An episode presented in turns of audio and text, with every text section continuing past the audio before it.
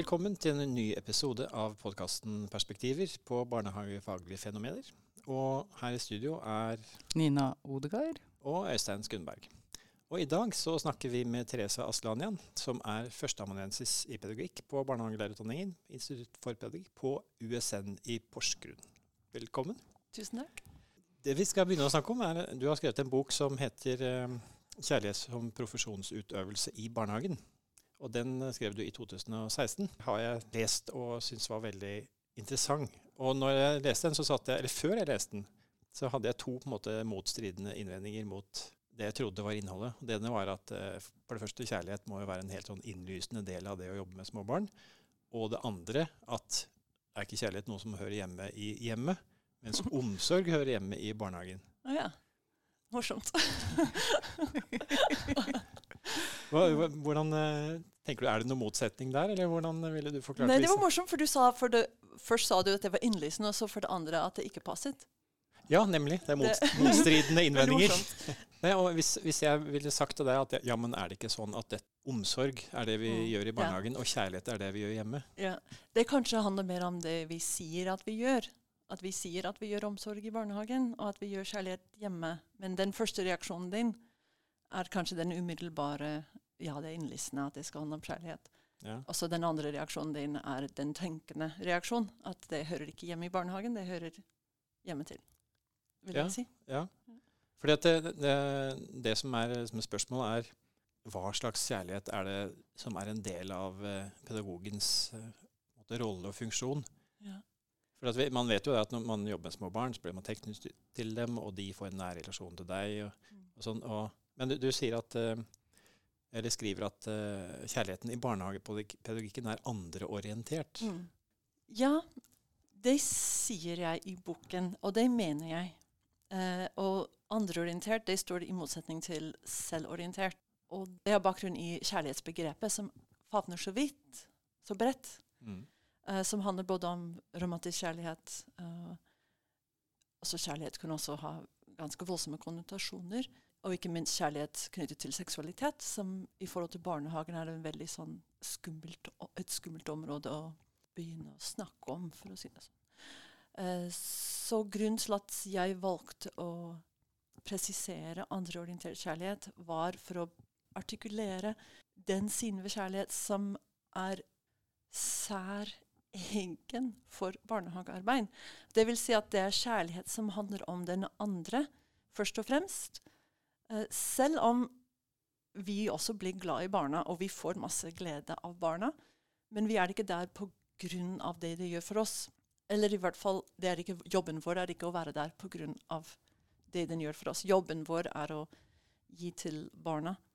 Mm, Men når det er sagt, så har jeg i ettertid vært veldig opptatt av det at vi skal anerkjenne og akseptere at selvorientert kjærlighet er også en del av arbeidet. Av nettopp den gleden vi får fra barna, og relasjonene vi får med barna, som også gir oss noe. Det er en del av det, men det er ikke den delen vi skal dyrke, mener jeg.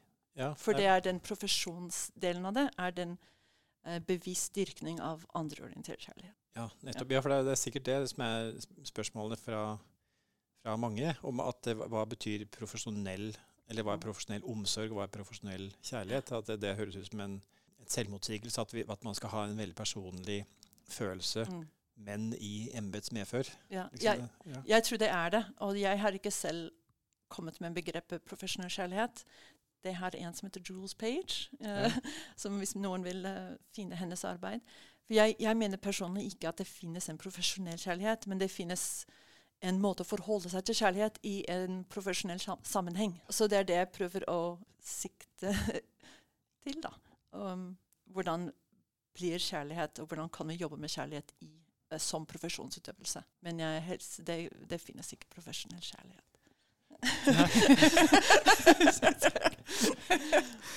Eh, Du har jo ommøblert på et av de mest klassiske byggverkene i psykologisk eh, teori, nemlig Maslows behovspyramide. Hvordan bør pyramiden over grunnleggende menneskelige behov se ut etter ditt syn? Det behovspyramide, de som er um, Den er hierarkisk. Først er mat og næring, og den andre er sikkerhet. Ja, Grunnleggende biologiske Mm. behov. Mm. øverst, Ja. Ja, de grunnleggende biologiske behov først, og så er det um, trygghet og sikkerhet andre. Og så skal det være sosiale behov, den tredje uh, steg. Og utover det igjen er det um, selvrealisering etter hvert. Eller vi vet at når det gjelder små barn, at uh, deres behov for trygghet og næring må komme fra et menneske. Det må finne sted i en omsorgsrelasjon. de barna som var lagt inn på sykehus uh, på 40-tallet i en periode, de, ble, de fikk mat, men de, kroppene deres tok ikke næringen til seg. Så det, vi vet at det hjelper ikke at mat er ikke første behov. Det er faktisk Behovene går inn i hverandre.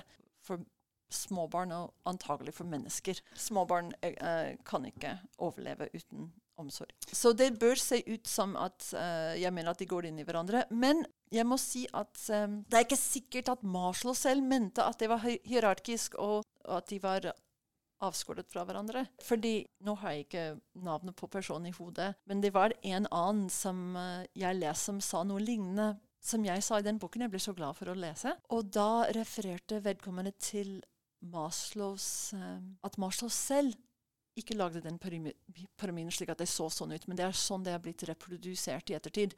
Mye av det samme som vi ser med Piaget, og hvordan hans ideer har blitt uh, reprodusert. At ofte ting blir forenklet. Mm. Så bare for å gi Marshall litt kred, det er ikke sikkert han selv ikke forsto det. Og han antagelig gjorde det, for han var en klok person. Ja.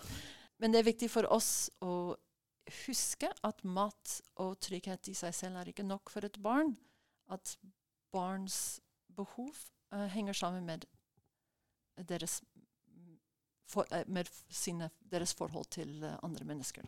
Det jeg opplever at du sier, er jo dette her at hvis ikke de blir tatt på, så skjer det noe med den psykiske og den fysiske utviklingen. Så de, disse tre nivåene bør egentlig omarbeides eller gå mer inn i hverandre, eller egentlig ikke ha hierarki, da. Eller de, de gjør det. Altså det er bare sånn det er. Altså vi, Mm. vi må på en måte erkjenne det. Men det som er, synes jeg er viktig, er at, at vi husker kunnskap. Vitenskapelig kunnskap er en veldig snever ting. Mm. Så det, en del av det jeg er opptatt av med denne boken, er at det vi vet, alle sammen, ofte blir uartikulert. Og mm, på grunn av det har veldig lite makt i vår hverdag og vi, i vår profesjonsutøvelse i barnehagen. Eh, så selv om barnehageansatte vet godt hvor mye barn trenger kjærlighet, så kan det hende at, at de føler ikke at de har makt til å utøve den kjærligheten. At den får ikke anerkjennelse.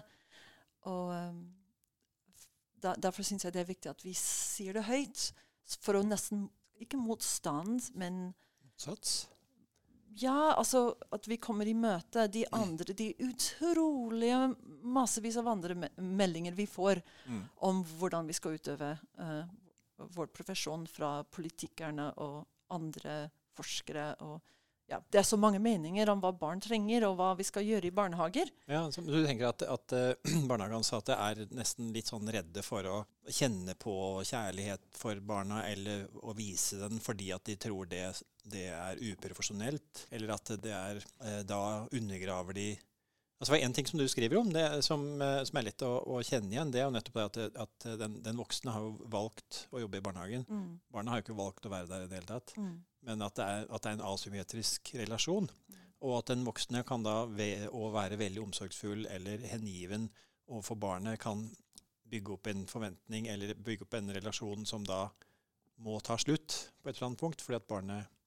Så, men, men eh, tenkte du Eller tror du at barnehageansatte er eh, litt sånn usikre på om de har lov til å ta med sine egne følelser inn i den Ja, altså det er en del, det er en side ved det. Men jeg syns det enda viktigere del ved det er at det er en eh, underkjent del av arbeidet. Og selv en ting er at man kan være usikker på hvor mange følelser man kan vise, og det er viktige ting å snakke om. mm. Men for meg er den aller største Ikke tragedie, det blir for voldsomt, men det største ting som skjer i barnehagen, mener jeg, er at vi gjør én ting, og det er å gi og motta kjærlighet. Det skjer i barnehager som fungerer. Men vi sier at vi gjør helt andre ting hele tiden. Det, og selvfølgelig gjør vi begge deler. Vi gjør mange andre ting også enn bare å gi og motta kjærlighet. Men det er uh, den delen av arbeidet som er det som er det viktigste for barn. Mm. Altså Uansett hva annet vi gjør. Vi vet at det er den kjærligheten som de har behov for i sin hverdag for å vokse opp. Og jeg syns det at den delen uh, ikke blir omtalt, er uh, ja, veldig interessant. ja, ja. nei, for det, du, du, har et eksempel i boka eh, altså når du skriver om, om, det der med at det, det, det, er den voksnes ansvar å nærmest regulere den nærheten. Mm. Eh, og fordi at eh, Du ble jo invitert i bursdagen til en liten jente. Ja. Og Du skriver ikke om du gikk eller ikke, men, men at man skjønner med en gang at det her var litt sånn vanskelig situasjon fordi at den jenta så på deg som en nær venn. Mm. Og at det da var tydelig at dere la forskjellige ting i relasjonen. da. Nå var det både den jenta og pappaen hennes. Det var pappaen som videreformidlet den invitasjonen. Så det er ikke bare barna, men ofte foreldrene som anser oss som en del av eh, familien, nesten. Og en del av deres liv som er viktig. Særlig de som ikke har særlig mye familie ellers. Mm. De som f.eks. var fra et annet land, og de ja, jeg var en av de personene som er viktige i deres liv. Um, og det som jeg mener er interessant med det, er rett og slett at vi husker at barnehagen er en konstruksjon vi har laget. Det er en løsning på det menneskelige behovet vi har å ta vare på hverandre. Mm. Og vi har løst det på ulike materiale tider. Ikke sant? Og det er bare de, de siste hundre årene at vi har hatt nettopp denne løsningen i det hele tatt. Og de siste bare siden 70-tallet at det er veldig, veldig, kort tid at vi har hatt denne spesifikke løsning på å ta vare på hverandre som mennesker. Um, så jeg bare mener at vi ofte glemmer at det er det vi driver med. Og, uh, og det er naturlig, for vi må jo utvikle profesjon og alt. Men uh, barn og foreldre opplever nok den der grunnleggende rollen vi spiller i deres liv også. Og at, uh, jeg mener ikke at det er noe vi må gjøre annerledes, men jeg mener at det er verdifullt å erkjenne det. Mm. Og særlig for vi som vi og de Nå jobber jeg ikke i barnehage mer, men for de som jobber i barnehagen, at de får liksom anerkjennelse for den delen av arbeidet. For det er det mest det er liksom stum på. Det, det er ingen Altså Hvis man er heldig, så har man en leder som ser det og ser at du har et, ja, her er det veldig god stemning, er det ofte man hører. Mm. Ikke sant? Det heter en stemning. Mm. Men uh, det det egentlig er, er at uh, her er det mye kjærlighet i luften. Også, jeg hadde kanskje ikke likt å høre det heller, for det kan være litt sånn um, diffust å snakke om. Ikke sant? Det er som du sier, et, ord som det betyr så mange ting, så er, det er kanskje greit å kalle det for en stemning. Men jeg tenker på særlig med alle de kravene som politikerne legger på barnehagen nå, og alle de utallige andre interesser, som alle de som har en interesse i barnehagen, Uh, det er viktig at vi også løfter frem den der grunnleggende rollen som barnehagen spiller i barns og foreldres liv. Mm. For barn eh, bare å være i et kjærlighetsforhold med andre mennesker og voksne mennesker. Og for foreldre å ha et nettverk, en, eh, et, et, et fellesskap mm. og, og, hjelpe dem å oppdra barnet sitt. For det er også det barnehagen er for foreldrene. Det er det eneste mange har. I, ikke sant? For at ikke de står isolert i sine hus med bare mor, far og barn, som uh, det er blitt den siste mm. mm. tiden. Jeg trenger at du sier uh, noe om hvordan du skiller på omsorg og kjærlighet sånn begrepsmessig. Jeg må innrømme at jeg strever ja. litt med hvordan jeg skal bruke det på ulike vis. da. Ja. Uh, og, og, jeg skjønner det intuitivt, hvis du skjønner hva jeg mener. Jeg merker at jeg strever med å bruke kjærlighetsordet. Uh, jeg trenger litt hjelp til å forstå disse ja, altså, uh, litt fra hverandre eller sammen, eller hvordan jeg skal tenke de, da. Ja, så omsorg, Hvis det oppleves som omsorg, så er det vel fundert i kjærlighet. Så, men det går an å snakke om omsorgsoppgaver løsrevet fra kjærlighet også. Jeg vil si at da blir det som pleie, kanskje. Men poenget mitt er egentlig ikke at vi burde snakke om kjærlighet istedenfor omsorg, eller at det skulle være Men omsorg er en, et tryggere ord å bruke, fordi den sier ikke noen ting om det man får tilbake. Ikke sant? Omsorg er noe vi gir. Mm. Uh, mens kjærlighet er en gjensidig opplevelse. Selvfølgelig um, Er det det som gjør det vanskelig? Dette? Mm. At, at, eh, at omsorg da, det, er på en måte, det oppleves som mer profesjonelt å snakke om, fordi at det er sånn en, en, på en, måte en tjeneste man leverer? Ja, og det er ofte ganske tungt. ikke sant? Omsorg har liksom tyngre å gi omsorg. og Det er, det er et byrde ofte. Ja. Og så handler det om som sagt, det knyttes til pleie. Omsorg handler om å gi mat og skifte bleier. Og, og det går an å gjøre de tingene på en uomsorgsfull måte. Uh, men og kjærlighet altså Jeg vet ikke om vi kan si at det er alltid gjensidig, det heller. Men det har den delen ved det. At man selv Man blir sårbar selv. Mm. Og når vi uh, blir berørt av barn og kommer i de kjærlighetsrelasjonene, så er vi egentlig veldig hjelpeløse. Det, det, er noe som skjer oss. Det er ikke noe vi er i kontroll av. Og det jo er veldig vanskelig å for, gjenforene, gjenforene eller forene med profesjonsrollen Mm. uh, vår. Og så Derfor mener jeg at det er viktig å si noe om. For akkurat det å ikke ha kontroll, uh, det syns jeg er viktig at vi anerkjenner. At det er et eller annet som han, i vår, vårt arbeid med barn som ikke kan kontrolleres og gjøre om til en metode. Mm. Det er noe som er utenfor vår kontroll. Det skjer oss. Mm. Og det skjer noe mellom oss eh, som ikke vi kan lære bort. Mens men hvis ikke det er der, så er det eh, veldig ille. ikke Ja. sant? Det er Ja, veldig ille. Hvis tenker barnehagen uten kjærlighet, så hadde det vært helt forferdelig. Ja, ja for da, da eh, snakker man jo om en Det ville vært en sånn der oppbevaringsinstitusjon med, med mat og pleie og Men hvis, hvis man altså det med tankeeksperiment og, og tatt bort alle aspekter ved eh, barnehagen eller pedagogens eller den ansattes handlinger som hadde et sånt snev av kjærlighet, så står du ikke igjen med ingenting, men du står igjen med helt sånn teknisk Mm. eh, pedagogikk, altså teknisk sånn, relasjon til andre. Og jeg har erfart barnehager som er gode barnehager, som i anførselstegn, heter, eller gåsetegn. Alt er på stell. De som jobber der, er hyggelige og snille. De smiler. og når barna blir hentet, så er det gode samtaler de har med foreldrene. Men jeg opplevde som at det fortsatt manglet eh, kjærlighet der. Fordi at det var ingen turte å miste den kontrollen Ja.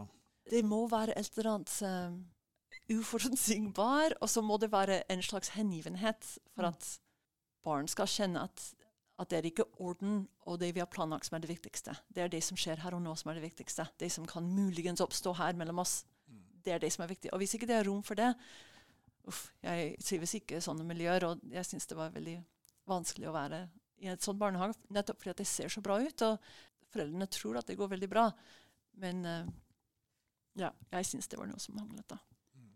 Men står vi i fare for altså Når vi jobber med kjærlighet, så vil jo det være også bygget på i forhold til f.eks. Det går jo ikke an å si det i barnehagen, f.eks. det å si at man liker eller misliker et barn, f.eks. Mm. Og, og når med en gang kjærlighet slår inn, så er jeg litt sånn redd for dette her Kan, vi, kan det da bli at vi, at vi løfter de barna vi kjenner for, da? Ja, men så Føler bra for- du tar det opp, Og så ikke det Ja, for det, det her syns jeg er veldig Nei, men nå snakker vi Ja. nå er det, det er derfor det er så bra å snakke om hva kjærlighet er for noe. Mm. Fordi det er, det er jo kjærlighet som andreorientert handler nettopp om å, å, å anerkjenne eller erkjenne at 'oi, jeg liker ikke det barna'. Mm. Da må jeg se på det barnet mer. Og for det barnet må jeg Den har rett til å bli likt. Og når vi ikke liker barn, så handler det bare om uh, tilkortkommenhet um, hos oss og uh, en slags um, At vi ikke ser barna. Uh, så jeg forteller i den boken, i, i boken vi snakker om, om min egen opplevelse med det. Et barn som jeg ikke likte. som jeg opplevde som veldig kald. Som en dag da jeg hjalp ham med et eller annet i garderoben, så sa han på meg Du liker meg ikke. Og jeg ble helt sjokkert, for jeg trodde at jeg, jeg hadde gjemt det veldig godt. Jeg trodde jeg behandlet ham på samme måte som alle andre. Men da han sa det, så tenkte jeg å guri meg, dette må jeg gjøre noe med. Så jeg, jeg begynte å observere ham og se på ham i alle ulike sammenhenger. Og da la jeg merke til noen veldig sånn søte ting han gjorde med sin venn. Han, han drev annet og stjal en dokke som det ikke egentlig var lov å leke med i den barnehagen jeg var i. Og han amet den sammen med sin guttevenn, satt på sofaen og lekte som om han am, amet denne her dukken. Og så begynte jeg å få plass i hjertet mitt for ham, og så egentlig ble det, den gutten en slags hva skal vi si, mantra nesten om morgenene som jeg så for meg før jeg skulle på jobb, særlig de dagene der det var kaldt og mørkt og jeg visste at det var sykdom. ikke sant, Vanskelige dager å komme ut, ut av dynen. Så så jeg for meg den gutten. Og jeg, det har skjedd mange ganger med ulike barn. At, at, eh, så det å elske barn og få kjærlighet det, det, Man skiller uh, gjennom sånn naturlig kjærlighet som bare oppstår, og det vi, uh, den kjærlighetshandling i å se etter hvem er denne personen, og så prøve å jobbe forbi de der umiddelbare uh, responsene vi har på folk. ikke sant? Mm. Uh, så det er en kjærlighetshandling også. Så kjærlighet er litt spennende på den måten. At det er både noe som oppstår, og som vi får noe ut av, og noe som vi kan velge å, å utøve. Eh, Maria Montessori kalte barn for kjærlighetslærere. Love teachers. Yeah. Eh, hva mente hun med det? Ja, Maria Montessori sammen med de andre barnehagepionerene var opptatt av kjærlighet og opptatt av barn som en del av eh, den guddommelige helhet. Og det er en annen ting som jeg syns er veldig viktig for oss som jobber i barnehagefeltet, på, i barnehagefeltet, på barnehagefeltet, å huske, er at feltet vårt den ble til som et resultat av radikale tenkere og sterke, følgende mennesker som hadde en forståelse av uh, Gud og naturen og mennesket som ett. Og som barn som uh, særlig nærme denne guddommelige enhet. Og disse begrepene vi bruker ikke i hverdagen vår lenger. Og selv den gangen altså De var litt spesielle mennesker den gangen også. De var radikale tenkere, romantikere. Uh, og så hele ideen om å ha et sted der barn kan uh, Et sted som er for barn.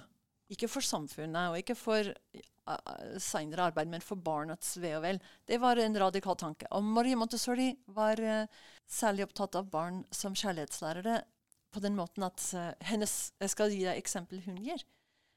Uh, vi som har foreldre, vet at når barn kommer inn til oss klokken fem om morgenen Vi vil jo sove. Og de kommer til oss Hei! Og hva, hva er det den meldingen de gir oss? Hei! Se! Det, hva, se på verden! Vi er her! Altså, de er budbringere av livet. Og um, Marie Montessori mente at det er når vi som jobber med barn, det er de som egentlig fører oss inn i den der litt høyere sfæren av den bevisstheten som vi, vi, vi driver og tenker på så mye annet. uh, så det er det hun mente som barn som kjærlighetslærere. Og hun sier til og med at det er barn Altså, hun var helt frelst på barn, for å si det sånn. Hun mente at uh, kjærlighet Gud er kjærlighet, og det er barn som kan vise oss dette. Da, da har vi kommet til veis ende i denne, denne praten vår. Men dette, dette, var veldig, veldig interessant, og veldig mange nye aspekter ved det begrepet, det ordet, som på en måte eh, som har svirret rundt, og som eh, tror både vi og de som hører på, har fått mye å tenke på. Så tusen takk til eh, deg, Therese Astanian. Ja, takk for at dere hadde meg her. Takk. Og da, takk for oss som, som ledet dette, og det er Nina Odegaard. Og Øystein Skundberg.